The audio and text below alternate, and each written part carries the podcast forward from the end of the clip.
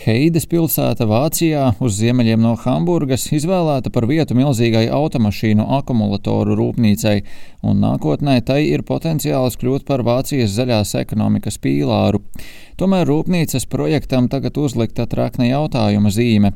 Tas tādēļ, ka rūpnīcas būvētājs Zviedrijas uzņēmums Nordvolt apdomā, vai izdevīgāk nebūtu paplašināties Amerikas Savienotajās valstīs, tādējādi projektus Eiropā atliekot. Un iemesls šādām pārdomām ir amerikāņu 369 miljardus ASV dolāru lielais inflācijas samazināšanas akts, jeb zaļo subsīdiju plāns. Tas paredz investēt līdzekļus energoapgādes drošības un klimata pārmaiņu programmās nākamo desmit gadu laikā. Tas nozīmē subsīdijas enerģijas nozares pārējai, tostarp, piemēram, nodokļu samazinājumus ASV ražotiem elektromobīļiem un akumulatoriem. Kamēr ASV vēlas samazināt atkarību no Ķīnas importa, Eiropa ir noraizējusies par negodīgu konkurenci un papildu kaitējumu, ja uzņēmumi pārcelsies ārpus Eiropas Savienības.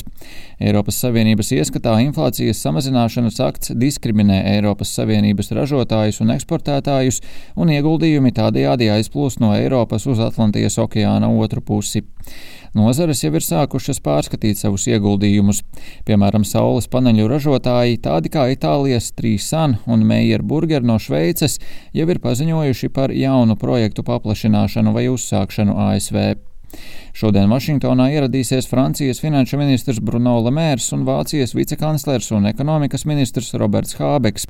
Abiem paredzētas tikšanās ar ASV tirzniecības ministri Džīnu Raimondo un finanšu ministri Dženetu Jēlenu.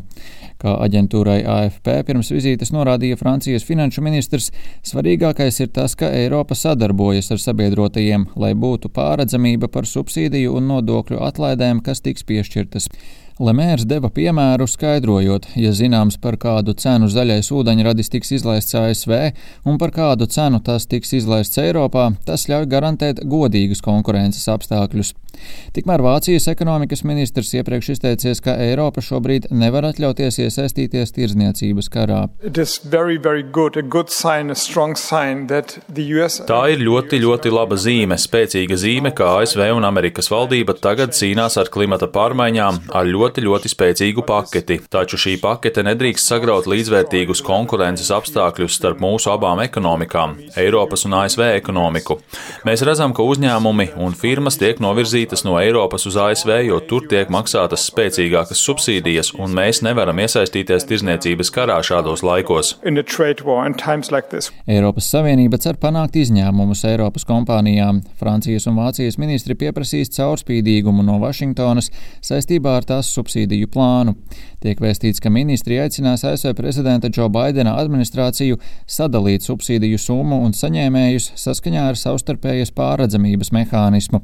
To žurnālistiem vēl pirms brauciena sacīja Francijas ekonomikas ministrijas amatpersona. Ministri arī cer nodrošināt uz sadarbību vērstu pieeju strateģiskajām investīcijām sensitīvās jomās, piemēram, pusvadītāju jomā. Sagaidāms, ka ASV subsīdiju plāns tiks apspriests arī ceturtdien Briselē, kur gaidāma Eiropas Savienības līderu ārkārtas sanāksme. Tajā tiks apspriesta Eiropas komisijas pagājušajā nedēļā ierosinātā pakete, lai cīnītos pret ASV subsīdijām. Eiropas Savienības priekšlikums, ko sauc par zaļā kursa rūpniecisko plānu, paredz atvieglot ilgtspējīgiem uzņēmumiem piekļuvi nodokļu atvieglojumiem, novirzīt naudu uz tīro tehnoloģiju nozarēm un atvieglot valsts atbalsta noteikumus. Amatpersonas vēlas izveidot jaunu Eiropas Savienības fondu zaļo nozaru atbalstam, taču dažas dalībvalstis jau ir asi iebildušas pret šo ideju. Rihards Plūme, Latvijas radio.